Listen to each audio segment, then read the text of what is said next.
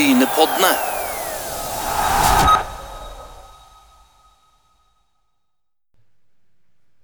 Da ønsker jeg hjertelig velkommen til en livepod på Meet and Eat på Tau. Og Asker, du skulle jo være med på, på link fra, fra Galilea, og, og, det ser ut som at, at det er internett er kommet til, til Tau òg. Ja, Det er veldig betryggende å høre at det er kommet uh, internett til Tau. Uh, sist gang jeg husker jeg var på Tau, det var under en KM i sjakk en gang tidlig på 80-tallet på skolen der. Jeg var ikke så veldig flink den gangen, men uh, det kom seg med åra, det òg. Det er løye hva som kommer seg. Og vi skal ha uh, hovedgjest i Gunn Rita Dale Flesjå og Hallgeir Hinna. Men, men, før de kommer til bords her, så har vi fått Knut Folløy trener for Midtbygden, og Vegard Oftedal, trener for Stål Jørpeland. Og begynner med deg, Vegard. Hjertelig velkommen til, til Brynepoddene. Jo, takk for det. Uh, ja, vi må jo gå innom litt med, med tanke på starten til, til Stål Jørpeland. Så er det jo sånn at det, Heter det Stål Jørpeland eller skal vi si Stål? Ja, du må si Stål Jørpeland. Ja, Det er viktig. Men fortell litt om, om, om eh, inngangen til, til, sesongen og hvordan oppkjøringa har vært.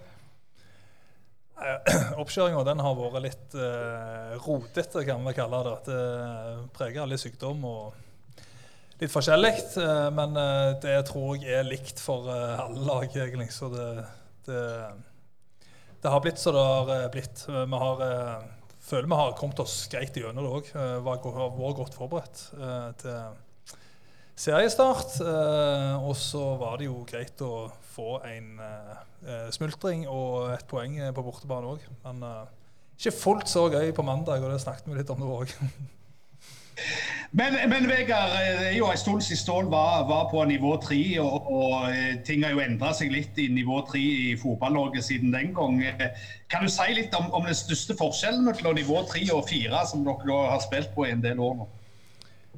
Ja, altså, største forskjellen som er oppdaget, jeg vil si at Eh, det går jo veldig mye fortere, og så blir du straffa for alle småfeil du gjør. Eh, du slapp litt billigere unna i fjor eh, på nivå fire. Du, du, klarte det greit for det om du gjorde noen småfeil, men det gjør du ikke nå. Ja, Knut, dere er jo ikke kommet i gang ennå. Det er, det er NIFs tur til, helt ut til Kvitsøy. der. Han får dere litt ut i sesongen, kanskje. Men kan du si litt om hvordan dere jobber nå inn mot et normalår, endelig? Jo, vi var jeg føler vi har hatt en kjempegod vinter, egentlig. Med, jeg og han spissen uh, Asgeir Austigard vi fikk jo korona tidlig i januar, så da sørga vi for å smitte hele garderoben, så vi ble ferdige da.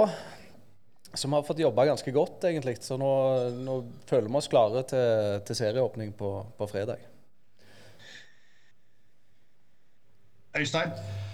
Ja, hvordan uh, Oi, nå var det litt sånn uh det er mye lyd her nå. Men, men, men eh, litt sånn som Stål Jørpeland der, det er jo en, en klubb som, var oppe på samme nivå i, i, for si, 30 år siden. Er det litt sånn som Bryne, at de snakker om den gamle tida og så ikke ser framover? Hvordan ser du på det, Vegard? De som spilte altså de som spilte på den tida der, de snakker fremdeles om det gamle dager, og det var selvfølgelig veldig mye bedre før. Uh, fotballen har jo ikke endra seg. Den var helst bedre òg i gamle dager. Men uh, vi vet jo det vi har spilt uh, for noen år siden at det er ikke tilfellet. Vi hadde aldri hengt med på det som de gjør nå. Uh, det går veldig mye fortere. og Spillerne er mye mye bedre trente enn det de var tidligere. Men hvordan ser du på det å ha, ha du har jo spilt sjøl på Stål. altså det er Litt sånn som jeg sier, Bryne de var gode på 80-tallet og, og, og, liksom gjør noe nytt. Hvor, hvor, vanskelig er det å trene et lag der du er en del av jeg skulle si mafiaen, men du forstår spørsmålet. Er, er det vanskelig? Eh, ja, det er jo det. Du kjenner jo alle, og du kjenner jo foreldrene til de fleste spillerne. Og det er klart, eh, når du er trener, så må du ta noen tøffe valg òg. Det er jo bare elleve som kan spille på en gang, eh, og det er alltid mye meninger rundt omkring. Og ja, det er jo ting som du bare må takle. Det er ikke noe problem heller. Du har meninger sjøl når du sitter på tribunen, så det går veldig fint. Men Knut, eh, kan du si litt eh, om, om det dere sikter inn på i, for, i, forhold til den sesongen som ligger før dere nå? altså Vegard her er jo til og med i Aftenbladet av og til. Sånn, han kommer jo i avisene utfører før Ryfylke òg. Men, men, hvordan er det for dere med, med liksom et femtedivisjonslag som, som kanskje har mål om å rykke opp? Eh, hvor, hvor vanskelig er det blitt å rykke opp fra femte til fjerde, f.eks.?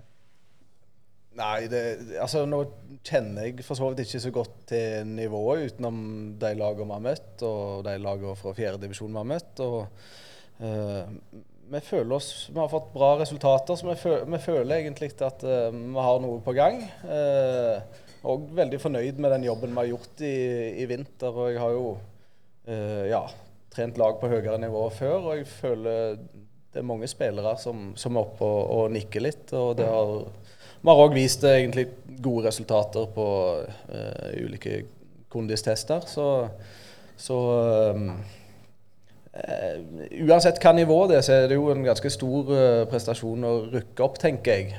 så hvis vi kan melde oss på og få det til, så hadde det vært, vært fantastisk kjekt. altså.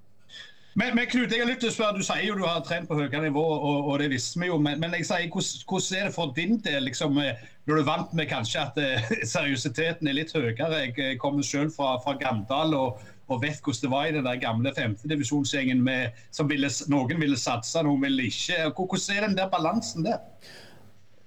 Ja, det har egentlig gått overraskende greit. Jeg føler kanskje ikke jeg har jeg sjøl har banka inn alle kravene. Jeg har selvfølgelig påvirka at botlista er ganske lang med, med regler. Men, eh, men, eh, jeg føler vi på en måte sammen som ei gruppe har kanskje lagt litt premissene og, og, og, ser litt resultatene av det i, i vinter. Så eh, vi nærmer oss noe. Vi gjør det. Eh, hvis jeg har drevet researchen riktig her, så har begge vært i akademiet til Viking for noen år siden, stemmer det? Ikke bare, ikke bare noen år siden. Nei, men, men, det er litt det som Asker er inne på. Hvordan er det der også, på en måte Dere har vært der sjøl, eller mest vært der, og så gå ned og så på en måte prøve å få deres spillere til, til, til å gjøre deres ideer. Er det, er det vanskelig når, når, du har vært der til, til deg, Vegard? Du, du, var jo en, en ung og lovende.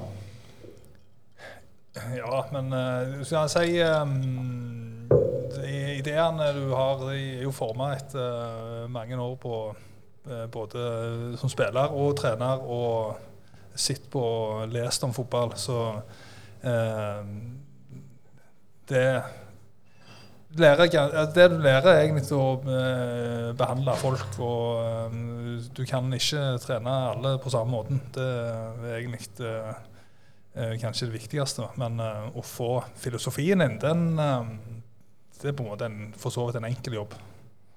Uh, du har òg vært i Vikingsystemet, og, Knut. og uh, Du var jo med, med Kenneth Dokken og Notodden rykket opp til, til, til Obos-ligaen. Hvor mye tar du med deg, og hva ønsker du videre i karrieren? Altså, Med all respekt for, for Midtbygden, det er jo ikke akkurat Notodden og Obos-ligaen.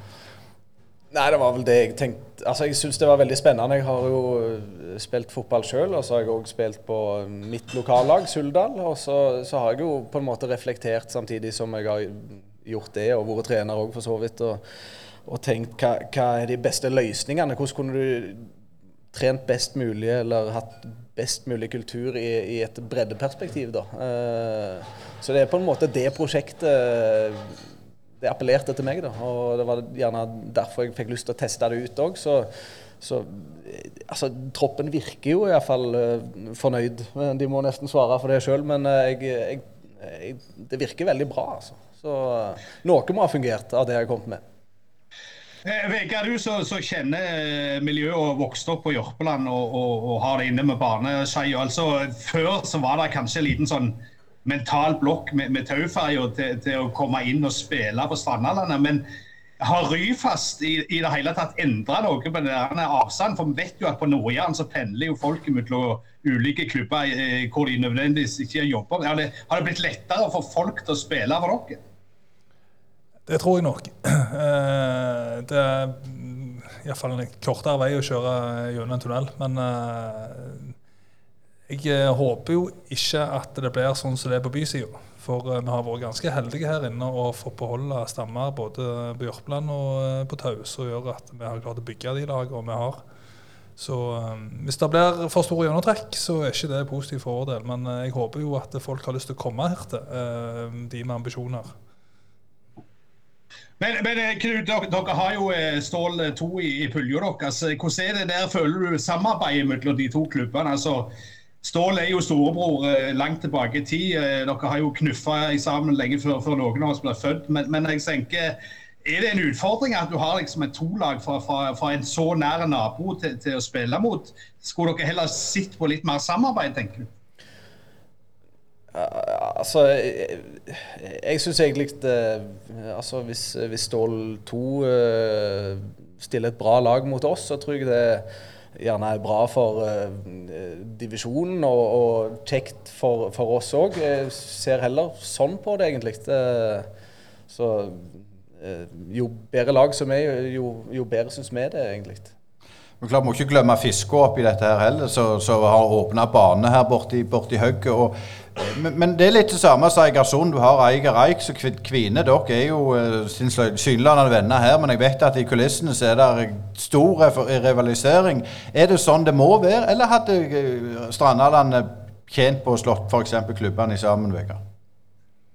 Jeg tror at det er sunt at det er to klubber. Det er ingen problem i det hele tatt. Eh, det var nok mer rivalisering før enn det er nå. Nå er det egentlig mye bedre samarbeid og oppegående folk som leder begge klubber. Sånn, Eh, men klart, når, når, det er en kamp, eh, f.eks. det var kamp i Stål og Mil gutter 16 her eh, i går, så vet du at det blir eh, litt engasjement for, i begge leirer. Så, og det er litt sunt, og det er litt herlig. Eh, så det er bare å glemme det dagen etterpå. Men, men, det betyr litt at det er noe eh, rivalisering.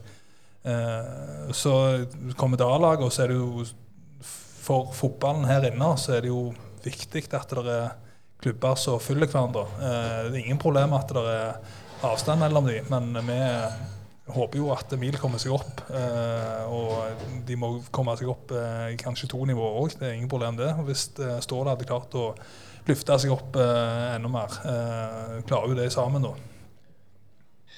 Men, men Vegard, litt, litt, om, om pulja deres og, og laget dere møter. Så dere har jo hatt en, en eh, det, er jo, en tøff pulje og, og mange hardtsatsende lag. Hva, hva, har dere gjort liksom, sånn på, på satsingssida? Handler det først og fremst om å overleve? Det handler først og fremst om å bli et bedre fotballag. Det er det viktigste. Uh, og klarer vi det, så, så uh, klarer vi å stabilisere oss på dette nivået. men vi er helt ferske, og vi må ta litt steg for steg. Eh, vi konkurrerer mot hele profesjonelle klubber. Det er jo et i eh, sørfylket som eh, trener på dagtid og er helt profesjonelle. Vi er jo ikke helt der. Eh, viser jo når vi spiller mot dem òg at de har et helt annet nivå enn oss. Men vi, har tatt en god del grep. fått inn mye større trenerapparat, bl.a. Og det er jo ting som vil hjelpe oss eh, framover. Og det har gjort ganske mye i klubben òg for å sikre spillerutvikling. Eh, Knut, hvordan ser du på deres pulje? Er det noen som du vet eh, blinker seg ut allerede, som blir eh, tøffe rivaler her? Ja, det er jo noen som har uh, gått ut med ambisjoner om å kjempe med et opprykk, iallfall. Så møter vi jo et av lagene i, i, første seriekamp i, i Buøy. Uh, så vi får vel en pekepinn på dem da. Ellers er det jo Vaulen som rykka ned. Uh, ja, jeg har egentlig hatt mest fokus på sjøl, jeg. Uh, så, så, får vi ta det som kommer. Litt kjedelig svar, det. Ja, beklager det. Men, men, men nå var jo jeg over hver Stål Jørpeland mot, mot Fløy. Der fikk dere litt, kjørt dere litt, Vegard. Men, men målsettinga, det er liksom det. Hvordan går dere inn til en kamp? Skal vi, skal vi ligge bakpå kontra? Skal vi gå i strupen på dem? Er det vanskelig det, i posten? Merker du stor forskjell på det du var med på i fjor?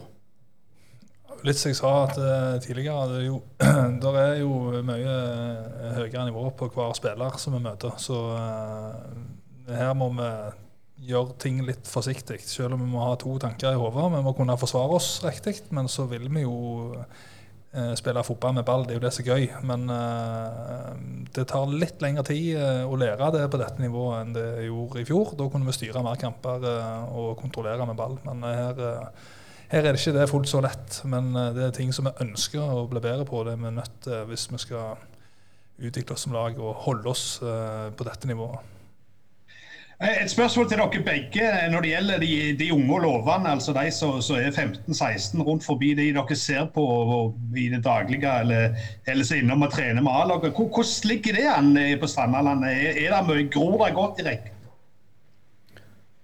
Ja, altså iallfall i Mil, der eh, de vi har hatt med som hospitanter på trening, har, eh, har klart seg veldig godt. Uh, og en, en 15-åring som, som, eh, er fast medlem av A-stallen nå. Så eh, vi er veldig fornøyde, og så håper vi at vi kan eh, eh, være attraktive i forhold til at de får lov til å være med et A-lag. Og så ønsker vi å utvikle dem sånn at eh, de gjerne kan bli eh, iallfall tredjedivisjonsspillere og, og oppover. Eh, så det er liksom det som er, er viktig for oss. da. Jeg følger jo litt med egentlig på på begge sider. Så jeg syns det er veldig mye ivrige ungdommer som har muligheten til å ta steg opp. Uh, I Stål så er det uh, masse juniorspillere. Uh, en del som har vært med og hospitert med oss òg. men så er det veldig bra nedover òg. Men klart det er ganske stor forskjell fra de ungguttene som kommer opp nå og skal være med oss i andredivisjonen i forhold til det var i fjor, tredjedivisjon. Det er det stor forskjell på. og der der må vi gjerne innse at det kan ta litt tid før eh, de spillerne blir klar for det. Eh, helt til slutt, tida går fort i, godt lag, men nå regner jeg med at, at både Mil og Stål har, har mye penger. og eh, for nå er jo Oddbjørn Milestrand daglig leder i Mil. Der nå regner jeg med at millionene flyter over, og at du Knut har ei feit lønn som trener. Men betaler dere spillere noe? Uh, vi betaler ikke spillerne noe, men uh, det, det, er rett det du sier med Oddbjørn. For hver gang jeg spør han om noe, så får jeg det. Og det siste jeg spurte om, var vanningsanlegg. Ja, og, og Vegard, dere er jo òg en god økonomi i stål. og klart Dere satser jo og bruker litt penger. For det er klart dere er jo veldig nede på å si dere ikke gjør det, men, men det er jo litt penger i potten allikevel? Ja da. Der, eh, det går ikke an å være på dette nivået uten å bruke penger. Uh, og noen penger må du bruke på spillere, andre penger må du bruke på uh, utstyr og reiser og uh, trenere. Uh, for det krever litt mer enn uh, det det gjorde i fjor. Siste spørsmål til begge to. Målsetning? Stabilisere oss på dette nivået. Ja, vi ønsker å rykke opp. Da tar vi en liten pause fra Brynepoddene, og vi venter på kveldens hovedgjester. Brynepoddene de fortsetter sin livesending på Meet and Eat på Tau. og ja, Asgeir Gunn Rita Dale. det er Vi pleier jo å sjekke en del opp litt sånn Ja, vi skulle til å si vi pleier å sjekke opp Gunn Rita. Det var ikke sånn jeg mente å si det, men, men eh, det var ganske mye å lese seg opp på, Asgeir. Det, det, det, var det, men eh, vi har jo òg eh, gode kilder, så, så, jeg har lyst til å spørre Gunn Rita til å begynne med om, om sammenhengen mellom sykkel, avløsning og bensinstasjoner. Ja, ja, sammenligning. Vi må jo stå på for å nå målet alle plasser, hvis det er det vi skal sammenligne der.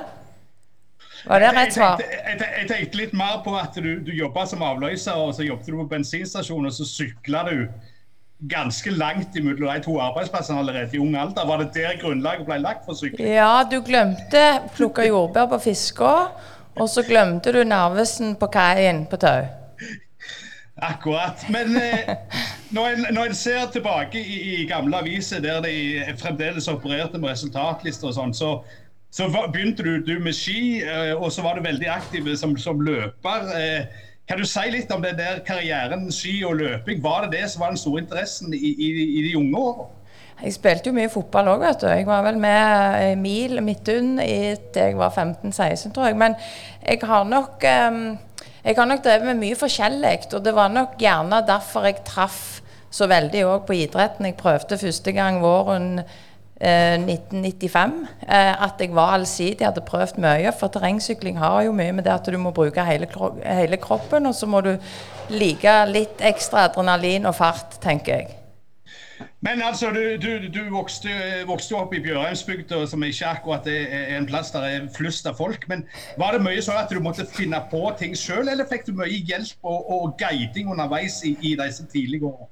Ja, vi var vel veldig aktive. Jeg får skylde litt på mor og far. Men eh, løpinga begynte med at jeg skulle være med mor og far ut og, og løpe. De, det var jo sinnssyke joggebølger den gangen. Så ble det jo mye at jeg ikke var i god nok form, så det ble mye at jeg hadde mye spurter, da, for jeg klarte ikke å holde helt fulle, og så ble det dette litt av, og så var det spurta seg tilbake igjen. Så det husker jeg, da var det noen år. Og så ble jeg bytta vi jo litt roller, at jeg ble bedre enn mor og far, så da var det jeg som måtte vente på de. Men jeg tror nok det at jeg har hatt en oppvekst der jeg ble tatt med på veldig mye. Eh, altså ut på telttur, ut på hytte hytteturer og gå masse i fjellene. Og hadde både venner og familie som var aktive. Og så har vi drevet med mye forskjellig. Vinteren, Da hadde vi jo vinter òg, og hadde snø og is, så vi gikk jo mye på skøyter. og eh, Lagde hoppbakk og sto på ski. sånn at vi har vel alltid vært veldig, veldig aktive eh, med mye forskjellig. Eh, Når du nevnte det med Bjørheimsbygda, Asker, så Bjørheimsbygd er jo ikke så stort, men, men har de eh, adresser der inne? De har Bjørheimsbygd. Nei, for det, jeg har lest det i avisene nå at det er en del som ikke er helt sikre på hvor de bor hen. Det hørtes spennende ut. Men vi har òg en, gjest til i, i Hallgeir Hinna, og jeg, jeg sa jo det at det var sånn ganske god fotballspiller. eh, Din, din far er vel oppvokst på, på, i Bjørheimsbygd? Det er helt rett. Eh, Hvordan var det for, for deg å, å, å vokse opp på, på ei bygd som dette? Far min var vel den eneste i den familien som flytta til Jørpeland. Så jeg er jo født og oppvokst på Jørpeland. Eh, Men eh, jeg har jo onkler tanter, farmor og farfar og som har vært i bygda. Så jeg, jeg har jo sprunget mye i bygda, jeg òg, som liten. Hvis du kommer litt nærmere, Mikkel, for du er litt beskjeden, Hallgeir. Du vet det. Ja, jeg, jeg vet det. Sånn. Eh, Men, men det, det er begge to. Det er litt sånn, sånn interessant. Faren eh, var vel forskalingssnekker fra Bjørheimsbygd, og, og far din, Gunn-Britt, var gravemaskinfører fra, fra, fra Bjørheimsbygd. Jeg skulle til å si dere gjerne er søsken, men det ble jo litt feil å si det. Men, men, men, men, den der å komme i, og, og liksom jobbe der, dere fram på idrettsbanen, er det noe dere ser tilbake på at, at det, var litt, det var noe der? Ja, jeg tror gjerne at um, det har Det er litt der, altså. Jeg, um, jeg tipper jeg har Altså viljen og treningsiveren min tror jeg har tatt meg ganske langt. Jeg tror ikke jeg har vært noe sånn Jeg tror ikke talent Jeg tror ikke jeg hadde noe så stort talent, men jeg tror jeg hadde litt sånn Jeg, jeg trente mye og hadde noen vilje. Ja, Oskar? Eh, ja, Gurita, du for jo ut utenlands i, i ung alder, i, i 17-årsalderen til Australia. og en eh, saftige reisebrev eh, som du ikke ga med dørene hjem til Strandbuen når du var, var i Australia i 1990, bl.a. med at eh, toaletter på skolen så ut som grisehus selv om det var røykeforbud. Men altså, kan du si litt om hvordan det preget deg det året du fikk komme ut og oppleve noe helt nytt enn- det du hadde vært vant med fra, fra barnsben? Eh, det var veldig fantastisk. Eh, Det er vel gjerne viktig å ta med at eh, jeg spurte ikke mor og far om å søke om å bli sendt til Australia, så det var jo litt sånn sjokk når jeg kom hjem og sa at nå er jeg blitt valgt.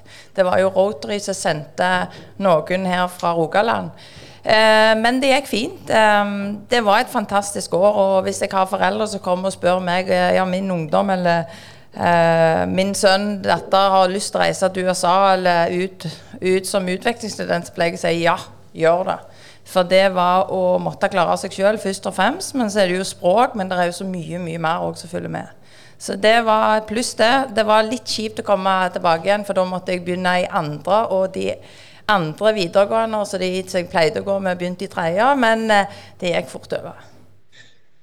Men, men altså, jeg, jeg eh, var selv ung da jeg farta ut i verden og, og jeg reiste med fraktebåt til Nord-Irland. og Mor sa det, hun, hun, hun, hun ga meg lov fordi at hun håpet jeg ikke kom hjem igjen. Men altså, lærte du noe om den der eh, australske idrettskulturen? Var det noe du plukket med deg på den fronten, eller var det stort sett bare språk og springe rundt i Australia?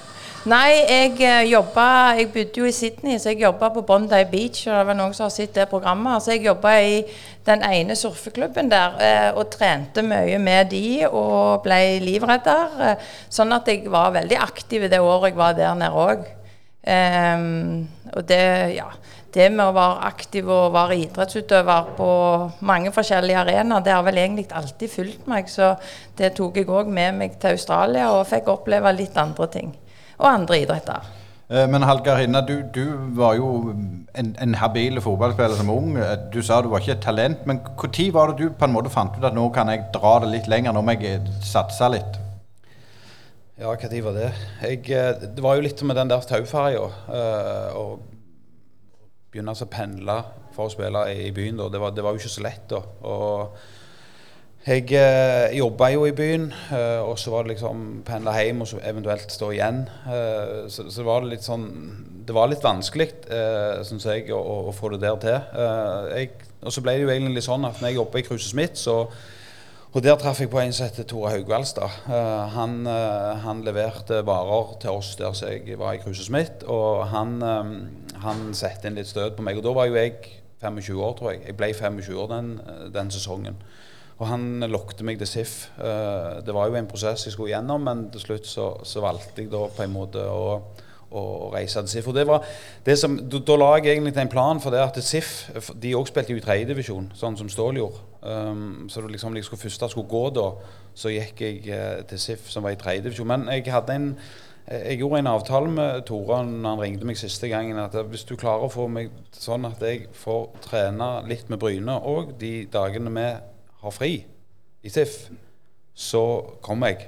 Og så sa han greit. Og så gikk det et minutt, så hadde han snakket med treneren der ute at det var greit. Så da, da ble det sånn at jeg reiste til byen. Da, men da flytta jeg til byen. Og så trente jeg et, spilte jeg i SIF.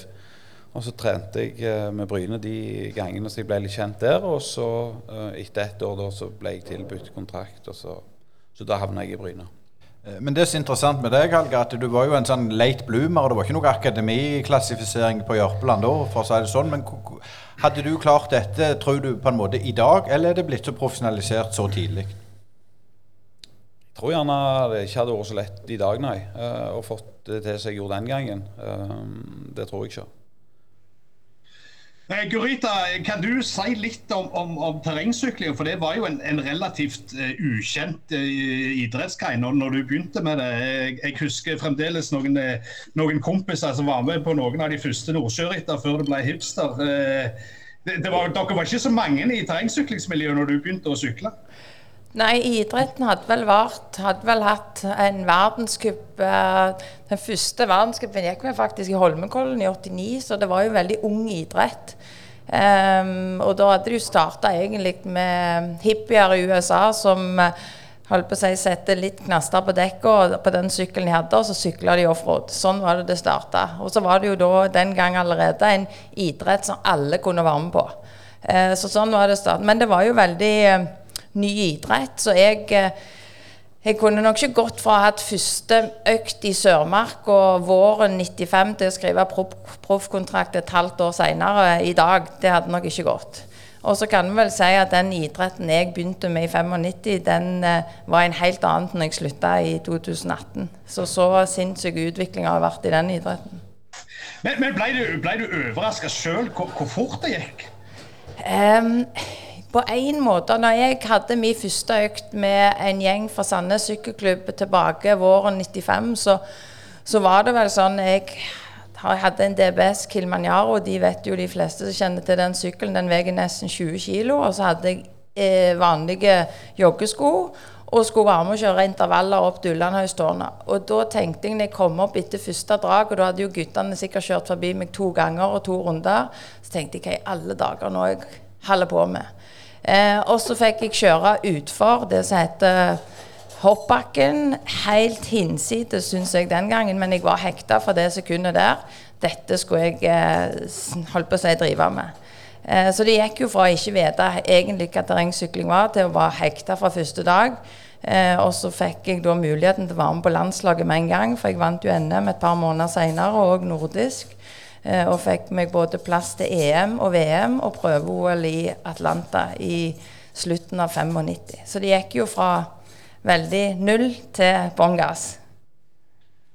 Ja, null til bånn gass, Hallgeir. Eh, du hadde vel litt sånn null til bånn gass. Du sa du var inne hos SIF i tredjedivisjon. Men hvordan var det å, å, komme til Bryne og det miljøet der, eh, kontra det du hadde vært vant med tidligere? Nei, det var en, det var en stor overgang. det. De, de fem åra jeg hadde der ute, det er jo de fem kjekkeste år jeg har hatt på, på fotballbanen. Um, så alt var jo sant, Det var media, det var alt mulig som var mye større. Sånn at det var, det var veldig Jeg, husker først, første, første, første sesongen der så hadde jeg eh, Jeg hadde jo en del starter eh, så jeg fikk starta i første året mitt òg der. Og så hadde vi ikke hatt noen go- god sesong. Og så sesongstart, og så leda vi 1-0, og det var begynte å nærme seg slutten, og treneren skulle gjøre et bytte. og vi sto i mur, og eh, så kom han opp med det innbyttertegnet. Så var det liksom ikke jeg som skulle av, av da, eh, men det var en annen. Og så, og så var det en på tribunen da som eh, som Han hadde en enorm røst der han kunne båre hele Bryne stadion. eh, Så ropte han 'Bytt ut Hallgeir Hinna isteden!' ropte han. Og da, liksom, da var han liksom 'Velkommen til toppidretten' for min del. for å sånn. Herlig. Men, men, men litt til, til, deg, Gunn Rita. For jeg vet at du var ekstremt opptatt av å konkurrere og vinne. Og, og du, du liksom var, var flink på skolen, du var flink på arbeid, du var flink i idrett. Og den der enorme stayerevnen, hvor, hvor er det du har fått den? Er det silosaft som gjør det? eller hva? Hoppe i hodet som onkel Arne. Nei da, jeg tror det det har gjerne litt med altså mange, De første årene jeg da begynte og, fikk et navn, og du begynte å vinne internasjonalt òg, jeg at det må være fra mormor og morfaren din på Jørpeland. De, den Fjelde der, eller Rasmus og Gudrun Fjelde der, det må være komme derfra. Men jeg tror det har vel så mye med mor og far. Jeg husker jeg har alltid vært en som har tatt takene mine hjemme og jobba ute. Og far sa alltid det at eh, hvis jeg klagde litt at nå har jeg vel jobba nok, så sa han nei, det er mange kjedelige ting vi må gjennom i livet, så du må bare gjøre det ferdig. Så det fikk jeg høre. Eh, og så tror jeg det har blitt litt sånn at jeg alltid likt Hvis jeg først har sagt et mål, så, så skal du jobbe og klare det. Eh, og det husker jeg fra, fra jeg var, var liten. Vi har jo eh, holdt på å si alle sett på, på familien Ingebrigtsen i, i NRK TV og liksom eh, rundt det der eh, dilemmaet de har hatt med, med å finansiere opplegg og sånn. Men, men sponsoren sto vel ikke akkurat i kø for, for deg heller, Gunn Rita, når du var i gang, selv om du hadde gjort det ganske så godt eh, ganske tidlig. Hvordan var det å få dette til å gå rundt med, med turnerer? Altså, du, du var jo holdt på å si jorda rundt. Jo da, det er jo sånn at det er jo noen unge som gjerne vinner mye tidlig, og så tror de at de kan sette seg på trappa, og så kommer sponsorene løpende og tilbyr både det ene og det andre. Sånn er det ikke. Du må virkelig ut der og selge deg, og du må virkelig òg kunne gjøre en jobb for sponsorer. Eh, så det var vel eh, gjerne første år å låne litt penger av far, og så siden vi vant eh, mye ganske tidlig i sesongen, så fikk jeg jo tidlig proffkontrakt, og da da klarer du deg. Og hvis du i tillegg fikk personlige sponsorer og hadde fortsatt eh, evnen til å kunne vinne, så, så, så gikk det egentlig rundt etter hvert. Men vi hadde jo normalt et reisebudsjett på eh, mellom 500 og 600 000, så det kosta. Jeg må bare skyte inn der, Gunn Rita. Hvordan fikk du de sponsorene? Altså En ny idrett, eh, med all respekt for Bjørheimsbygd. Hvordan gikk du fram? Du måtte eh, holdt på å si, ringe bedrifter, og så måtte du ha et eh, tilbud der du eh, hadde en aktivitetsplan for bedriften, sånn du fulgte opp. Og det, Den delen av det det var nok journalistbiten min som eh, Jeg hadde jo, eller jeg har jo journalist som utdanning eh, på Høgskolen i Stavanger, og jobba jo halvannet år i Strandbuen før det. Sånn at det, det var nok journalistpersonen som kom inn der og kunne gjøre en sånn en jobb. Og så tror jeg òg både meg og, og mannen som etter hvert tok over, vi har vel alltid eh, likt å mm, dele erfaring og kunnskap. Og det var jo òg som hånd i hanske når du skulle ut og gjøre jobben din i en bedrift som hadde blitt sponsoren din. Hallgeir, eh, du har jo vært mer en lagspiller eh, opp gjennom. Eh, Kan du si litt om det var noe du tok med deg fra Bryntida når du skulle tilbake og prøve å, å trene Stål og prøve å få deg litt opp i, i rekken igjen? Eh, ja, det var Egentlig så eh, Jeg så egentlig aldri for meg at jeg egentlig skulle bli noen fotballtrener.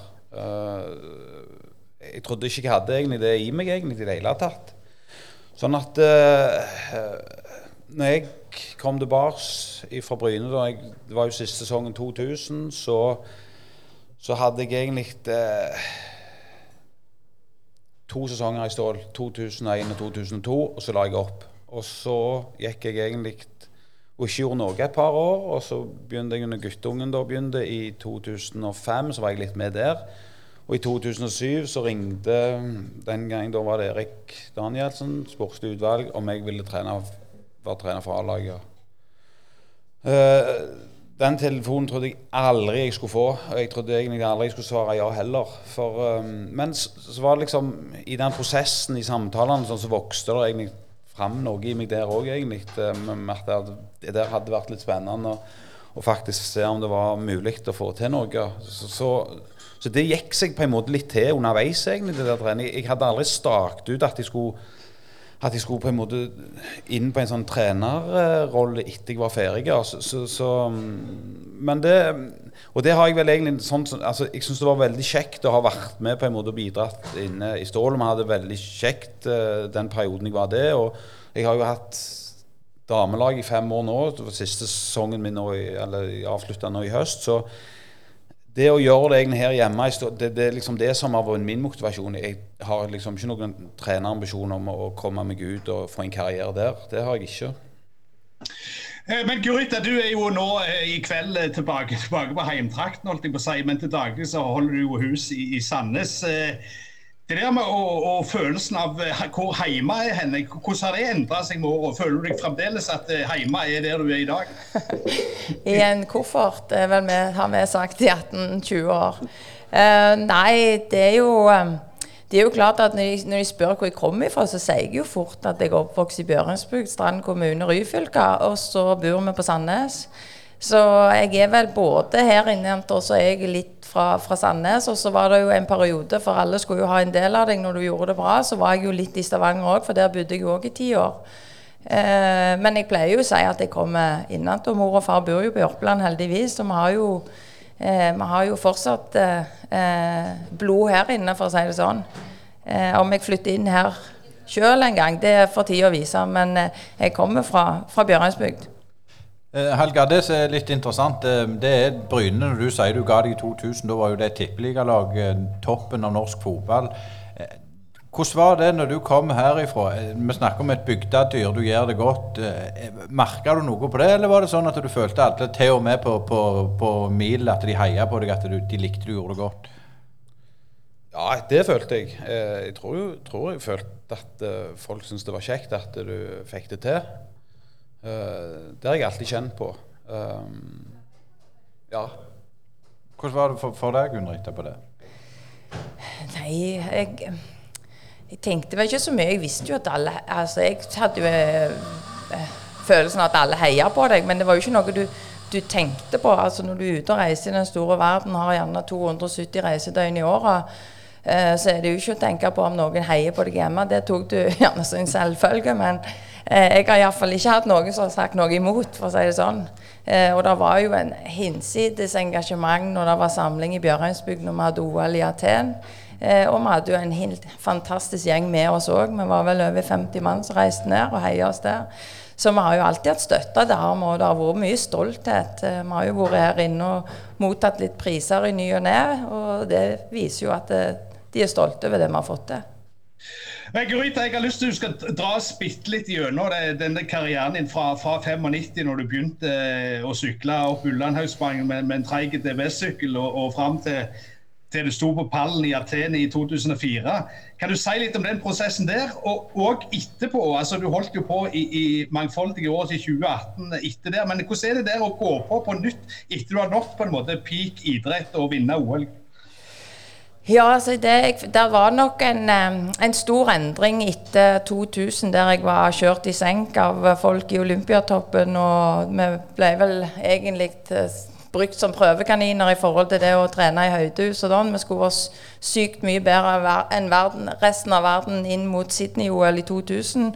Og så gjorde jeg egentlig svært lite enn å sitte i en stol i 2000, for jeg var så utkjørt. og, og Eh, og egentlig ferdig, så var det jo min mann som hadde avslutta sin karriere på landevei, sykling, som tok over. Og så begynte vi egentlig på null eh, fra våren 2001.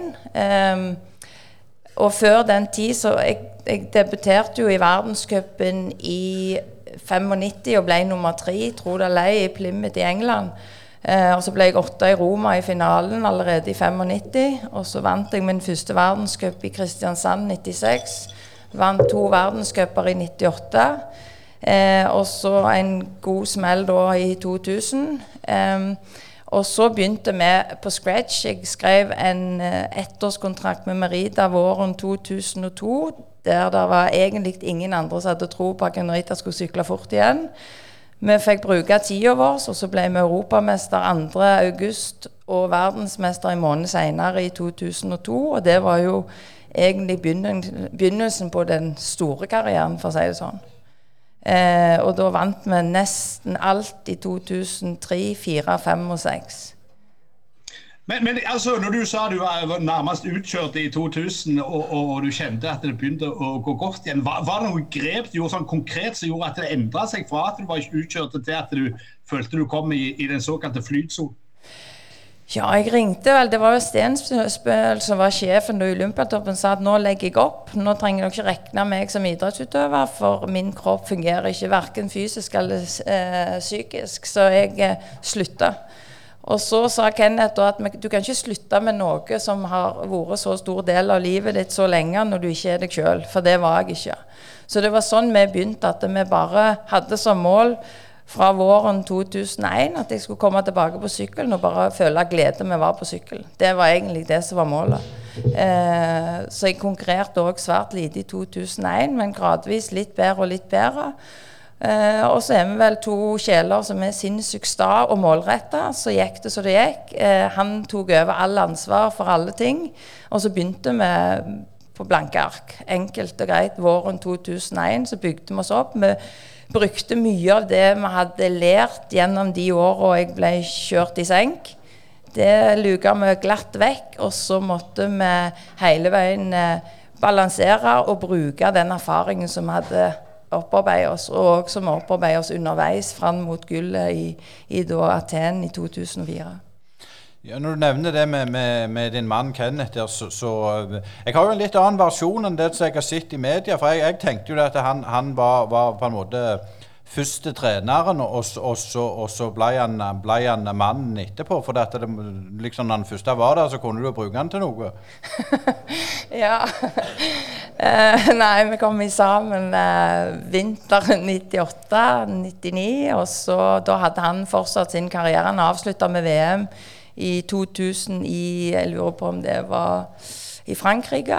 Eh, 2000. Og så gikk han i militæret, og så tok han over da 100% på alt. og jeg var damage good for alle. det var ingen som nærmest vil ta på en idrettsutøver som er utbrent og overtrent og alt det som er. Eh, så vi starta for oss sjøl. Ja, hvis jeg ikke husker fullstendig feil, så, så mener jeg å huske at Kenneth eh, drev litt med BMX i sånn eh, veldig unge år eh, på Gandal. Men eh, det er mulig jeg husker feil der. Men Halga, jeg har lyst til å, å spørre deg om noe. Altså, Du eh, la opp eller slutta i Bryne i 2000. Var det var det noen motivasjonsproblem, eller følte du at det kom til veis ende da, eller var det andre ting som gjorde at du kutta det ut? Uh, jeg hadde litt Jeg hadde jo hatt litt skader og sånn i, i sesongen der i 2000. Uh, eh, og så var det jo EM, var det ikke det? 2000. Uh, eh, da hadde vi egentlig den korte vårsesong. Uh, og had, da hadde jeg faktisk vært uh, Jeg hadde på en måte vært uh, involvert egentlig i alle de kampene den, den våren der. enten jeg hadde Jeg tror det var sånn jeg hadde starta fem-seks kamper, og så hadde jeg vært innbytter. ja, fem eller seks. Husker ikke helt tallet på det, da. Men, men når vi kom tilbake, da, for da, etter den pausen vi fikk da når vi kom tilbake og, og begynte oppkjøring, og sånn, så kjente jeg egentlig at det hadde, det hadde jo skjedd noe eh, i, i, forhold til min situasjon på Bryne. For um, plutselig så var jeg egentlig, ble jeg ikke involvert verken i, i, i, kamper eller i tropp eller noen ting, så jeg var på en måte helt jeg var på en måte helt ute. Um, jeg, husker, eh, jeg husker på en måte at jeg hadde veldig gode sånn rekruttkamper og, og, litt sånn, da. Men jeg forsto jo egentlig at jeg eh, jeg ville ikke få ny eh, kontrakt, og, så, og så, så, så jeg jo hva vei det bar. Så, så da fant jeg egentlig ut at når, når, når sesongen er over, da, så, legger jeg opp. Um, sånn var egentlig den prosessen.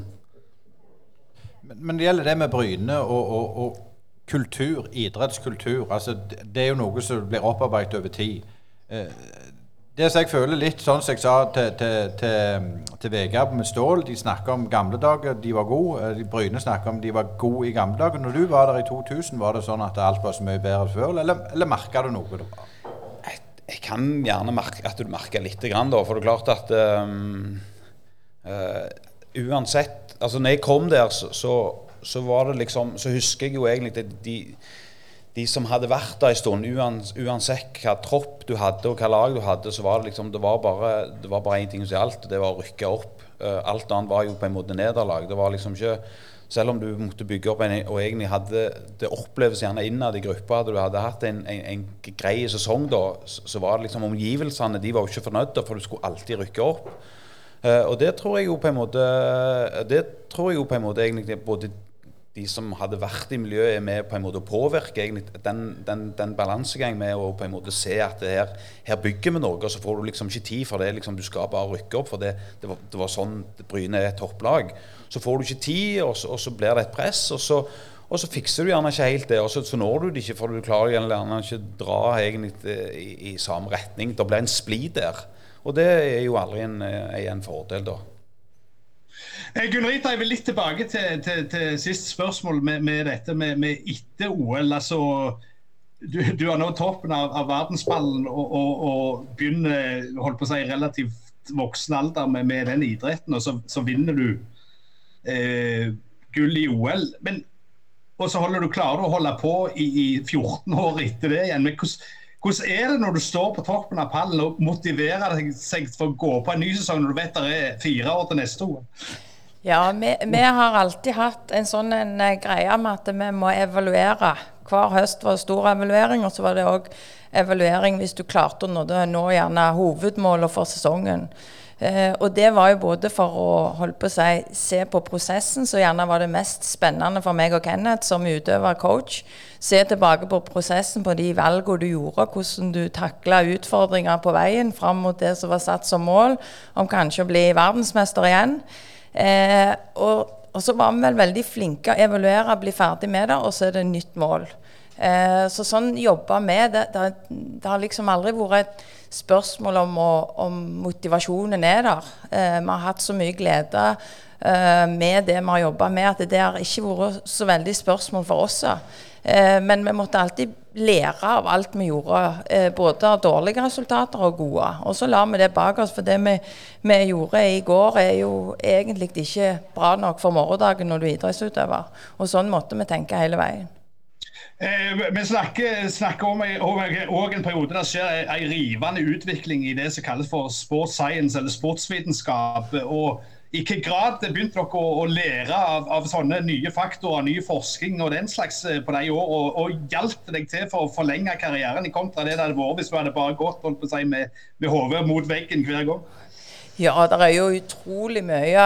Både si, treningsfilosofi, eh, tenk på kosthold, eh, og ikke minst behandling, restitusjons biten eh, for en toppidrettsutøver. Så det er jo utrolig utvikling. Eh, så det er ikke bare idretten som forandrer seg totalt fra jeg begynte til jeg slutta. Det går jo på veldig, veldig mange nivåer og forskjellige ting. og klart at jeg var nok en idrettsutøver som sa at hvis du fikk spørsmål hvor mye betyr Eh, mat og ernæring og restitusjon, så var det gjerne idrettsutøvere som sa ja, 10 ernæring er viktig for resultatet, og gjerne 10-15% på restitusjon. Vi var gjerne oppe i 50-50. Så vi hadde et helt annet syn på det, hva du fôrer motoren med, og hvordan du behandler den for å oppnå store resultater. Og det fulgte oss alltid.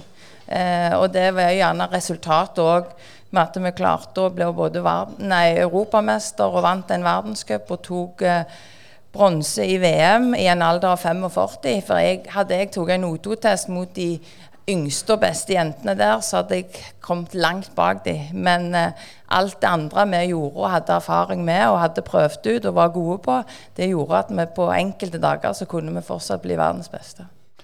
Litt sånn interessant det med, med, med jentesatsing. Det er klart, når du, når du var på skole, eller så spilte du på guttelaget på fotball. Du spilte med gutter, du, du sloss med gutter. Er det altså, Sånn som i dag, så er det jo veldig spesialisert veldig tidlig. Er det bare positivt, sånn som du ser det? Nei, jeg vil vel si Nå har vi jo en ung, ung, ungdom, tenåring i familien sjøl som har blitt 13. Og vi kommer til å holde han veldig på vår tankegang i forhold til det å trene, og det er allsidighet. Eh, og det skal han eh, gjøre til han er 20. Og han, om han da skal satse topp på landevei eller terreng eller hva det måtte bli, så kommer vi til å legge til rette og motivere til at han trener veldig allsidig. Eh, og det tror jeg er viktig i mange idretter. Og fotball, faktisk. Ja, Du, du Helge, har jo trent eh, både herrelag og, og jentelag. Og hvordan, altså nå, er, nå er du en, en, liten plass vi er på, og der må du gjerne mikse. Er, er det bra, eller er det sånn akademigreie bedre for, for, for utviklinga av idrettsutøver, både på jente- og guttesida? Uh, ikke helt.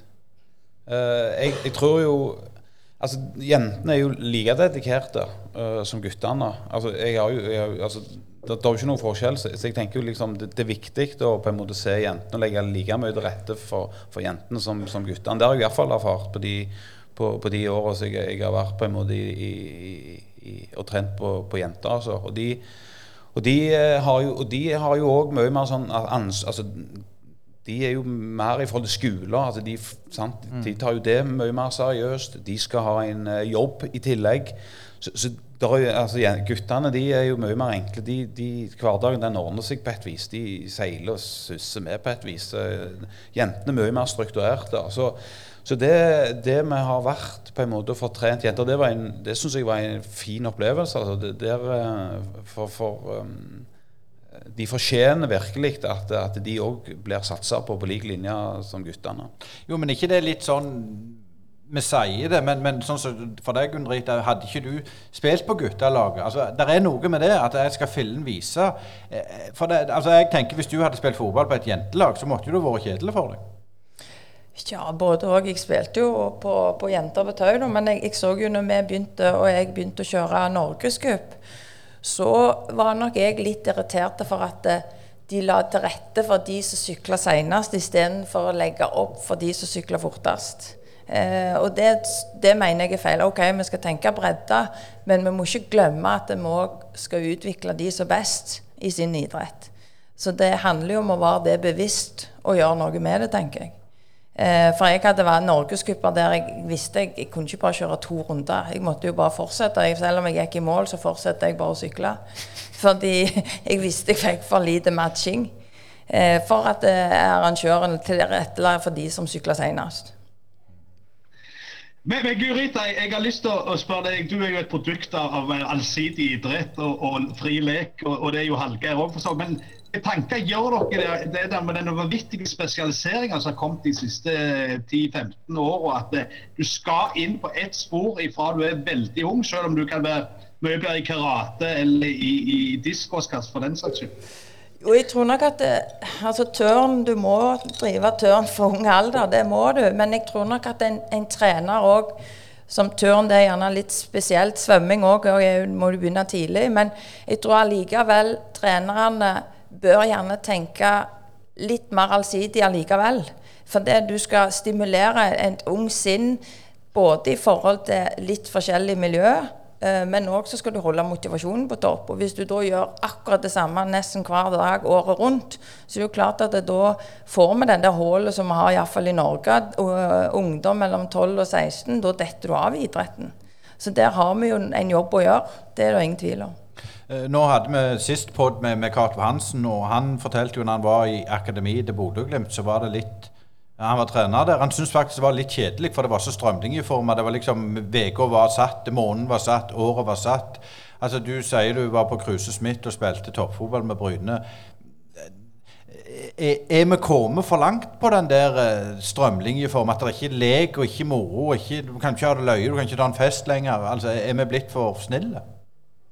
Det kan godt være, altså. Jeg, eh, jeg tror det der, eh, altså Den løkkefotballen òg, sånn som vi drev med når vi var små. At vi var ute på Løkka, og gjerne hele nabolaget uh, lagde lag, og så spilte vi mot, mot uh, nabolaget litt lenger ned i gata og møttes og kunne gjøre triks uten at vi på en måte hele veien på en måte ble på en måte coacha av en trener veldig strøm. Det tror jeg jo det tror jeg noe som jeg gjerne Du lagde jo turneringer sjøl. Ja, det stemmer det. Og det, det, mye av det har jo gjerne forsvunnet litt. Uh, nå, er det, nå, er det, veldig sånn uh, strømlinjeformer, som du sier. Så, å få tilbake litt av denne leken, det, det, og det hører du jo liksom sånn Martin Ødegaard de, de, snakker jo hele veien når de blir spurt. Det er jo denne leken med, holder Og den, den, tror jeg vi gjerne vi må se om vi kan få litt tilbake. En annen faktor der som har glemt litt, det er jo det at organisert uh, trening er jo som regel avgrensa i tid. altså Det er fra fire til, til halv seks eller fra, fra seks til, til, halv åtte. Mens den frie leken, da, da holdt vi jo på til holdt jeg på å si, eh, vi var sultne, eller glemte vi var sultne og barne-TV begynte. Men, men, ser dere noe til sånn i, i den der gleden å bare holde på i timevis, uh, dere rundt dere, Gunn Rita og Hallgeir? Ja, jeg skulle jo ønske det var mer. Vi bor i ei gate i Sandnes der det er fluss med unger, men vi ser det jo aldri. Og det er litt sånn i stedet så jeg har tenkt og sagt til Kenneth at jeg må kjøpe et hoppetau og så bare se om vi får ut alle. Og bare for å gjøre noe. Eh, du, har, du, hører jo om, om unger og tenåringer som blir overtrent for de går fem ganger på fotball én time i uka. Eh, men de gjør kun bare det, så det er jo egentlig ikke overtrent, det er slitasje, for du gjør bare det samme. Og så har vi hatt for lite lek gjennom opp, opp gjennom året, sånn at den kjernemuskulaturen som du utvikler når du er unge i lek, den har vi ikke lenger, naturligvis. Så det er litt sånn skremmende, egentlig.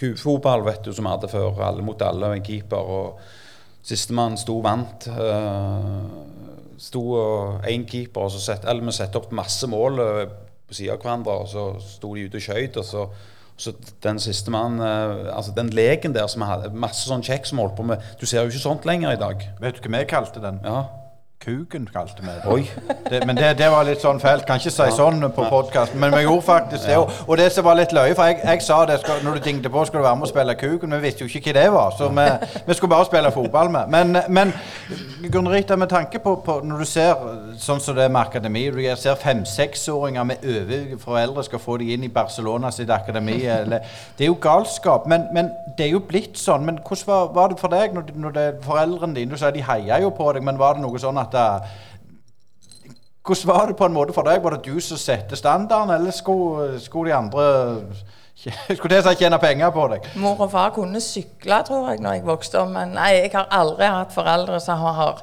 De har heia og stilt opp og fulgt oss på trening, og sånn, men jeg har aldri hatt noen som du må gå på trening, eller vi vil gjerne at du skal bli så og så god. Det har jeg aldri hatt.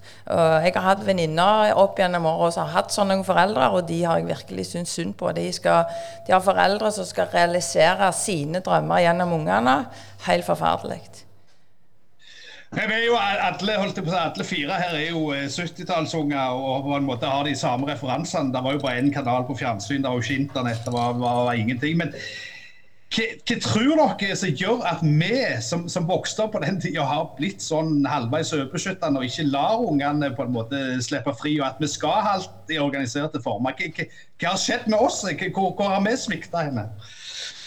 Jeg vet ikke om å svikte. Det er vel egentlig bare at uh, samfunnet har bare blitt sånn. Og vi blir på en måte bare, vi blir bare med uh, på leken, holdt jeg på å si. Uh, ting endrer seg jo. Uh, og nå er, det liksom, nå er det egentlig sånn det uh, Så jeg tror liksom, du, må, du måtte liksom nesten tatt et opprør liksom, og gått helt motsatt. Det er jo ikke så lett, det heller. Uh, hvis du skulle på en måte gått en annen vei enn en det som på en måte sånn til samfunnet går nå, med akademier og, og spesialisering veldig tidlig. Hadde du gått motsatt, så hadde du jo nesten mottrent eller holdt på med ungene dine sjøl og tok de helt ut omtrent.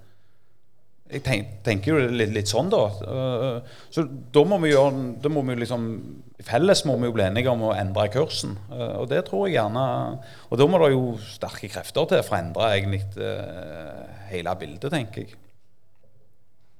Ja, jeg er helt enig med Alga her. Det, det, er samfunnsutvikling. Men jeg tenker jo at det, i forhold til at vi får aktive unger som syns det er gøy å være ute og bevege seg, uansett hva aktivitet de er i, så, så, faller jo mye av ansvaret på foreldrene. Sånn er det bare. Take it or leave it, og lik det eller ikke. Eh, og det i forhold til akademi Jeg tenker jeg vil at gutten min skal bli god i fotball, ja, men det er jo veldig ensformig. Kanskje vi foreldre må dra ut på andre aktiviteter da, nettopp fordi at de skal få den allsidigheten. Så er det da har vi tida til det. Vil vi det, ønsker vi det, orker vi det.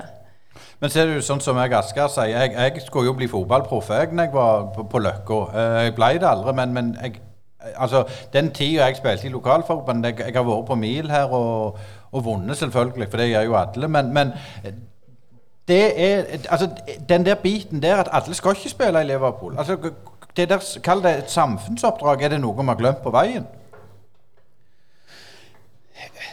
Jeg tenker jo at, at det med at alle har en drøm om å spille for Liverpool, eller eh, hva det måtte være, det, det, det syns jo jeg At ungene har den drømmen der, det, det syns jeg jo er bra. Men så er det liksom på en måte veien de lever ut for oss, og på en måte gjerne lykkes. da, og Da er det jo viktig at vi som foreldre sånn eh, på en måte forteller ungene at det, det handler jo om lek og trivsel, dette her. ikke sant? Vel, hvis, det, hvis det blir så sykt alvorlig hele veien at de, de finner ikke glede engang med det de holder på med, og, og, for det blir så innspora at de glemmer egentlig ut å ha, ha det gøy da, på veien mot å Det er jo den som er litt utfordrende. Ja, for det er det jeg tenker, Selv om du ikke spiller på Liverpool eller Bryne, så har du det gildt med idretten for det. Ja, du, du har det veldig gildt. Og, og, og jeg, sånn som nå når jeg, når jeg har blitt eh, 50 da, og, og, folk om og snakke og mimre om fotballen, så er det jo så er det ikke nødvendigvis egentlig alltid de der tingene som, som skjedde på Bryne, som gjerne du husker Altså, Du drar jo gjerne fram Lyngdalscupen når vi var der, eller de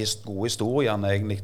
Og da er det gjerne ikke resultatet engang. Det er liksom de kamerathistoriene, egentlig. De, det er jo de du det er jo de du husker. For, fordi, for det er jo det som har gitt deg noe eh, til, til slutt, uansett, i lag med, med, med barndomskompiser. Så det, Men må bare. Har det litt med, med, med, deg, Gunn Rita, som var nummer én i verden? Er det, har dere òg litt ansvar der? Ja, vi har nok det. Og jeg har nok vært en, en utøver som har delt alltid erfaringen min og mine meninger om hvordan vi skal trene. For det er jo mange unge som gjerne søker en med lang erfaring og har vunnet mye. Hvordan gjør jeg dette her? Eh, og da har jeg of- ofte sagt at først og fremst så må du ville dette sjøl. Eh, det må være grunnpilar. Og så må du like det. Det må være sykt kjekt, det du gjør. Og hvis det er enkelte av de tingene du gjør er helt pyton, ja, da må du bytte det ut med noe annet. Så det handler litt om det der med trivsel i hverdagen på det du ønsker å, å få til. Eh, og da må vi ha en del porsjon lek oppi det hele.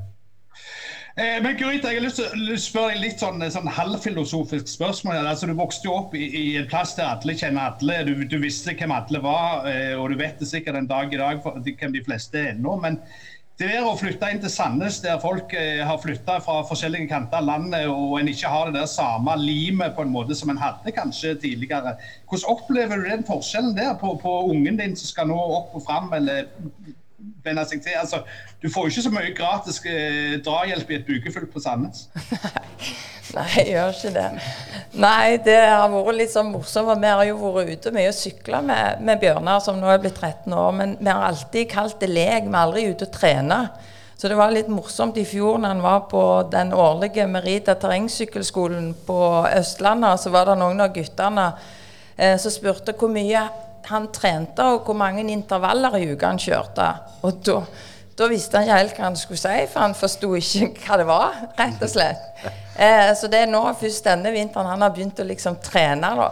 Eh, men jeg tror det forteller litt om, om, om gjerne hvordan du må tenke også som foreldre, uansett hva idrett du skal, skal ungen har lyst til å satse på, så må du ha utrolig mye lek oppi det hele. Eh, og så er jo jeg eh, stor fan av det med å variere ting. Gjøre forskjellige ting, og gjøre gjerne samme tingen, men på en forskjellig måte. Um, så eh, det Ja. Men, men kan, du, kan du forklare litt? Altså, han, han er jo, som du sier, han, han begynner jo å ta sine første strek på, på noe litt mer seriøst enn den barnelegsbiten. Men altså, det der å, å, å ha en unge nok har vært i verdenstoppen, altså mannen din som trener og du som, som utøver, altså er det lettere å ikke ha den der eh, Barcelona-femåringen som skal til Barcelona-tanken, når, når du har vært gjennom kverna sjøl? For du ser jo i dag f.eks. i Fotball-Norge at det er jo eh, ganske mange sønner, sønner til gamle toppspillere som, som, i dag gjør det godt i, i landslagssammenheng, f.eks. Ja da, vi har jo holdt veldig Bjørnar litt sånn skjerma. Vi har jo ikke meldt han inn i sykkelklubb før i fjor. og Han var litt irritert på oss når vi forklarte hvorfor. Eh, og det er jo nettopp for å skjerme han litt, for det han vil alltid eh, bli testa ekstra, selvfølgelig. Eh, men så tenker vi vi jo må jo bare bruke vår erfaring. Hvis han etter hvert viser seg at det er det han, den veien han ønsker å gå, så må vi jo hjelpe han. Det som vi gjerne er veldig bevisst allerede nå, det er at eh, vi forventer ikke resultater av deg. Dette er noe du må velge sjøl. Altså, dette må være din vilje, og du skal aldri bli eh, sønnen til Gunn Rita. Du skal være Bjørnar. Det er en egen mann som har lyst til å bli god i å sykle. Og det må vi nok jobbe med i mange, mange år framover. Eh, Hallgeir, kan, kan, du si litt om eh, sånn som du kjenner Jørpeland? Altså, er det fremdeles, altså, Det så var 600 folk på tilskuere på, på, første hjemmekamp, og det er jo meget bra. Det er jo mest like mange som det er på, på Brynekamper og Ulf-kamper. Men eh, altså, kan du si litt i hvilken grad eh, Jørpeland-samfunnet i dag og, og, og, det du kjenner til rundt, drar i samme retning? Er det skjedd noen endringer der? At folk er mer murer seg inne i sine egne hus og, og lar en eller annen trener ta over ungene? Nei, jeg, jeg, jeg, tror jo uh, Altså, det Interessen, fotballinteressen og uh, forståelse og det håndball altså det er jo, Uansett så er det jo veldig god interesse og alltid folk, folk på kampene. Så den interessen den har jo vært der egentlig i, i, i, i mange, mange år. Den det var jo ja, når de rykte opp i til andredivisjon i jeg vet ikke hva årstall det var, men det var, sant, det var jo over, det var over 1000. Og et par av de der cupkampene vi hadde når vi, vi hadde Bryne og Viking her sant, Det var jo et par tusen tilskuere. Så, så, så, interessen og sånn for, for, idrettslaget her inne, eh, både når det gjelder Milos Det er jo alltid mye folk og bra dreiv der. Så det har vi alltid, vært flinke til, syns jeg. da. Uh, når det gjelder trenere og sånt, så, så, er det jo sånn, så er det jo klart at i starten så, så, så så er det jo, er det jo alltid foreldre som, som melder seg og, og, trener, trener, på, på lag underveis. Og så, så på et eller annet eh, nivå da, så, så, så, bør det gjerne hyrt inn uh, en eller annen trener med litt mer kompetanse, fordi at de har foreldre som, som, på en måte kjenner at de ikke har kapasitet eller uh, evne til å på en måte ta disse ungene lenger. så, sånn går nå på en måte den rundballen, tenker jeg. Eh, nå har jeg litt sånn tilbake til, til det med, med, med, deg som toppidrettsutøver. Nå vil jeg spørre deg som journalist, Gunn Rita. For eh, nå hadde jeg en, en prat med, med Sander Ustanes etter jeg eh, Stål fløy på, på Brynepodden, der han, han, forteller litt han, han måtte ned og spille, han hadde lyst til å spille seg opp i. Og da er det jo media som skriver det. Nok et Bryne-talent forlater. Nådde ikke opp. Og så er det liksom bare negativ, negativ. Men så tenker jeg, han spiller på fløy, på snor. Han er jo en god fotballspiller. Hvorfor er det så Altså, det vinkles så grævla negativt alltid. Ja, jeg er helt enig. Ja. Helt enig med det. Um, nei, media de, de har altfor mye makt. Selv om vi har media i Norge sammenlignet med England og Tyskland, så har de jo lite makt. Men uh, allikevel så, så er det en uh, tøff bransje. Vi valgte vel veldig tidlig, når meg og Kenneth begynte å jobbe så tett, at uh, vi skulle si sannheten. Vi trengte ikke alltid si alt, men det som kom fram, det skulle være sannheten. Og så skulle vi alltid stå fram som de vi er, ekte. Eh, det hadde vi som utgangspunkt. Eh, jeg følte jo at det var en kjempestor fordel å ha bakgrunn som journalist når du kom sånn som, og ble eh, toppidrettsutøver og vant mye, for du, du, ble utsatt for mye media. Vi har jo litt annen verden i dag og de siste åra som idrettsutøverne vi hadde tilbake når jeg begynte. Eh, men eh, ja, de har veldig lett for å heller ta det negativt enn positivt, dessverre. Gurit, altså du, du slo gjennom si, i en tid der vi kunne lese om, om all, all, alle mulige idretter i, i, avisene. Altså, det var alt fra Oløps KM-seier i Oløp til, til, til, si, curlinglaget til, til Kjensvoll. Og i dag, hvis du, hvis du skulle sett det, hvor, hvor, god måtte du vært i terrengsykling før du fikk holdt jeg på å si, ei, ei lita spalte i ei avis? Nei, det er, det er, jo til og med òg for, for landeveissyklistene våre, de, de proffe som driver med en av, de, av verdens største idretter. Det er jo ikke ofte de skriver om de heller. Eh, du må se dem på TV. Eh, og sånn ble det egentlig med terrengsykling òg. Det var jo Red Bull som har tatt over de siste åra og vist live og gjort en sinnssyk jobb for idretten. Eh, men du trenger jo ikke gå tilbake, eller du trenger jo ikke ta det videre enn det å bare få et oppslag i Sandnesposten for uh, kjekke ting for barn og ungdom, tenker jeg. Det er sinnssykt vanskelig å få til. Sånn at Jeg vet ikke hvorfor, men det er veldig mye mer at de prioriterer ting som gjerne er negativt av ikke bare idrett, men av alt i samfunnet. Synd, men sant. Vi skulle fått ei sånn avis som bare skrev positive ting. Eget. Ny avis. Ingen negative saker. Red Bull-syklist fullfører 24-timersrittet, f.eks. Men altså kan, kan, si, kan, du si litt om hvordan det er å være helt i verdenstoppen, og ha vært helt i verdenstoppen den dagen telefonene slutter å ringe, du har lagt opp og det ikke er mer. Hvordan er den omstillingen der å gå ut fra å være en av de beste i verden til å plutselig bli alt stilt? Hvordan, hvordan er den øvingen? Det gikk veldig fint. Jeg Ble ikke sykemeldt engang. Nei, jeg, det gikk veldig fint. Vi var jo vi, vi, var klar for nå, nå følte vi at vi hadde fått nok. Vi hadde vel fått i ti år at når eh, skal dere slutte? Så det var gjerne på tide at vi slutta da. Eh, men vi, vi slutta på topp. Det var den 30. verdenscupen som vi vant da i 2018. Den hadde vi hatt som mål ganske lenge, og det føltes veldig riktig ut å avslutte etter den sesongen. At vi i tillegg skulle bli europamester og ta, ta bronse i VM, det var vel en bonus. Eh, og vi har ikke angra en dag. Det jeg gjerne savner, det er vel å være i god form. Eh, men det går seg nok til med åra. Men da lurer jeg på det, Du er jo en konkurransemenneske ennå. så Hva, hva var størst av å vinne OL-gull og vinne Strandamila? ja, det, det, er to forskjellige idretter som vi bare, leier veier det ganske likt, da, tenker jeg. Det går ikke an å nei, sammenligne. Hallgeir, hva, tenker du eh, etter, etter at eh, holdt på å si, eh, når du, når du, på en måte var tilbake i fotballhverdagen fra å ha spilt på, på, i tippeliganivå? Hvordan var den overgangen for din del? Jeg, når, jeg kom, når jeg kom tilbake i 2001 i Stål der, da syns jeg vel egentlig at da lå egentlig Stål litt nede med litt sånn brukken rygg. Da spilte de og trente egentlig litt sånn så så det passet de. og um, Det var egentlig ikke noe drive egentlig inne. Så, så, det ble egentlig en ganske svær nedtur de to åra, husker jeg. Så det var egentlig en litt sånn kjedelig avslutning. egentlig på, For jeg slutta jo da i 2000, så det var egentlig en svær nedtur. Jeg hadde, egentlig, hadde jo egentlig håpet det skulle være sånn mer drive i Stål da. Så, så, det var egentlig en, en, en kjedelig avslutning. Uh, og så, så, var jeg jo egentlig vekke fra fotballen da i 2002 to, nei, tre og fire. Og da, og da var det sånn Kona hun var, var lærer og, og så og retta på lekser hele kveldene. Jeg gikk og surra rundt der. Var, så da merket jeg egentlig at det, da begynte det å skje noe med meg. altså, For da, da kjente jeg et savn på noe. Så, så, så når, jeg begynte litt sånn kunne trene guttungen igjen, så, så fikk jeg, da, fikk jeg, da fikk jeg et lite løft igjen. da. Så, så, så det men, men, det var Det var, mm, det var litt eh, Det var litt nedtur, faktisk, ja, å slutte av. Men Nå har du en sønn som spiller på Stål, og da, da, er det vel du den med monopol på ved uh, mest sagt, og, og uttaler deg og, og, alt dette. Men, men for, din egen del nå, Halli, hva, hva, gjør du for noe?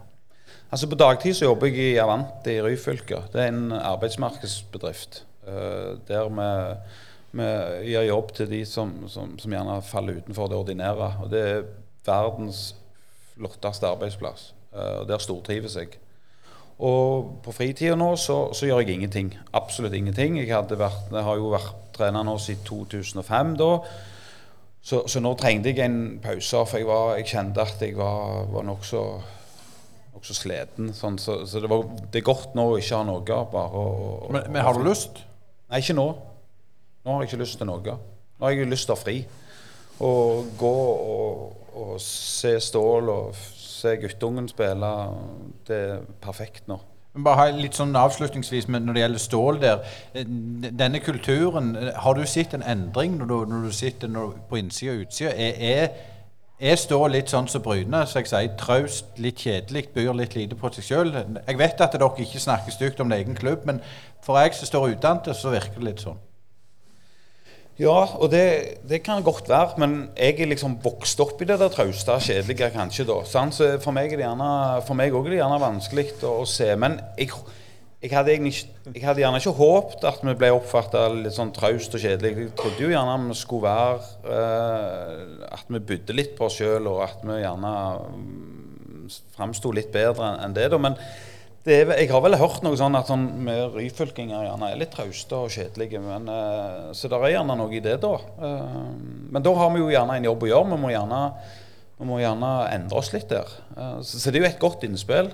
Hvis vi blir på en måte oppfatta som litt traust og kjedelig, så, må vi, så får vi håpe noen som noen hører på oss, så får vi ta tak i det. Ja, ja, som, som hvert uh, ryfylking så må jeg bare si at Øystein Nygaard ligger vanvittig tynt an akkurat med den uttalelsen han der. Men Gurita, kan du uh, si litt om, hva du eh, Sist gang jeg så noe i avisen, så holdt du på med noe turstier i Sandnes kommune eller noe sånt. Hva, hva driver du på med i dag? Jeg er ferdig med de turstiene. Veldig ferdig. Nei, jeg jobber faktisk med mm, trafikk- og sykkelopplæring ute i barneskolene i hele Rogaland. Og jobber mye med trafikksikkerhet, typisk skolevei. Så jeg er ansatt i fylkeskommunen og har mye oppgaver derfra sammen med oppgaver for trygg trafikk. Så jeg har sagt i 23 år som jeg har vært proff, at jeg har hatt verdens beste jobb, og sier i dag at jeg fortsatt har verdens beste jobb. Men Gunn Rita, treneren Gunn Rita, kribler det i jeg si dekka? Jeg er dritglad hver gang jeg får lov til å tid til sykling, og, det blir ikke ofte. Eh, kanskje på sikt. Eh, jeg tror nok at jeg kan ikke trene eh, de midt på treet. Jeg er med som trener i friidretten eh, for gruppa til Bjørnar, eh, 13 år, eh, og det er veldig kjekt. Men så kjenner jeg òg jeg har en del av meg, for jeg har vært en sånn perfeksjonist idrettsutøver. Der jeg vet hva som må til, og jeg har vært veldig opptatt av å gjøre det som jeg vet må til, hele veien. Og dermed så, så møter jeg litt sånn når du skal jo jobbe med unger som gjerne ikke til og med på friidrettstrening av egen fri vilje, så må jeg telle til ti noen ganger. For jeg har jo lyst til å si hva jeg mener om det. Eh, men det gjør jeg ikke. ikke. Men så jeg, jeg tror nok jeg måtte Skulle jeg vært trener eh, for noen som vil nå langt, så måtte de nok vært minst junior. Eh, for da kan de òg få høre mer sannheten, at du kan tørre å si hva du mener. Eh, Du har jo òg vært med i 'Mesternes mester', selvfølgelig. Og Nei, jo nei, nei. Har du ikke? Nei, jeg har bare blitt spurt 1400 ganger. Ja, men det- Så jeg nettopp nei igjen. Ja, ja det var det, ja. Hvor, Ja. Hvorfor det? Jeg har ikke tid. Jeg må jo ta permisjon og trene et år, for de er jo så sinnssykt god form, de der som møter i 'Mesternes mester'. Men du har jo òg en annen rolle Ja, innen jeg, sykkel. Eh, ja, jeg er fortsatt ambassadør for Merita, så jeg har vel en 50-60 reisedøgn i den kontrakten. Og det er hovedsakelig å være med på store festivaler og ha guida turer. Og bare nyte sykkellivet. Desserten av syklinga. Men Gurita, desserten er vel og bra, men, men hvordan holdt jeg på å si, ser det ut i Sykkel-Norge eh, på terrengsida når, du kikker og følger med i dag, eh, kontra i, i, i dine glansdager? Ja, si det. Da vi har vel ikke hatt supermange store stjerner på terrengsida. Det ser jo akkurat nå ser det ut til veldig går spennende møte, eh, holdt på å si spennende år i møte på landeveien, faktisk. Med både mange og flotte Uno X-ryttere, bl.a. Eh, terrenget ja, de eh, har noen utfordringer, og det er ikke fluss av de, for å si det sånn. Eh, nå blir jo vi dratt rett inn igjen med at Bjørnar har lyst til å sykle og skal bli syklist, sier han. Veldig bestemt der. For da slipper han å jobbe. Det kom tidlig, mange år siden. Like moro, det. Så vi skal nå til helga så er det norgescupåpning på Vigrestad, så der blir det lørdag og søndag. Så vi er rett tilbake igjen i eh, sporten vår, men det er helt OK, syns vi. Eh, Helt til slutt, eh, noe med deg, Hallgeir. Hvordan går det med Stål i år? Jeg håper vi kan klare å etablere oss. Uh, laget må jo få tid, tenker jeg, til å, å få tilvenne seg som- den kvaliteten og, som er der. Så jeg, jeg håper vi skal klare å holde oss. Uh, men du ser jo at det er gode lag, så, så jeg tror det blir en tøff sesong. Men jeg, jeg håper vi skal være i, i Er det PostNord, er det? Ja, det er det. Og da må jeg spørre deg, Gunn Rita, siste spørsmål fra Brynepodden. Hvordan går det med fiska? Hvordan går det med fisker? Nei, det vet jeg ikke. Jeg tror det er fortsatt en fin plass, men hvordan det går med fotballaget, det vet jeg ikke. Tusen hjertelig takk for eh, OL-vinner Gunn Rita Dale Flesjo tok seg tid til Brynepodden, og Hallgeir Hinna, fotballegende fra Jørpeland. Tusen takk for dere hørte på. Og vi skal vi er klar med ny Brynepod eh, neste uke igjen, vi. Det er vi, så da får dere følge med videre. Så må vi òg takke de andre to som, som stilte, Knut og Vegard. Eh, Dette har vært en veldig kjekk kveld. Og jeg eh, håper at jeg i nær framtid skal få se dere på skikkelig òg, og nyt kvelden videre. Det var det vi hadde på Live eh, Meet and Eat. Og følg oss gjerne på sosiale medier. Twitter, Facebook, Instagram og YouTube. Og likte du denne podden, så kan du vippse oss en gave på 610828. 610828. Øystein Nygaard og Asgeir Uland takker for fulle, og så høres vi igjen neste uke. Brynepoddene.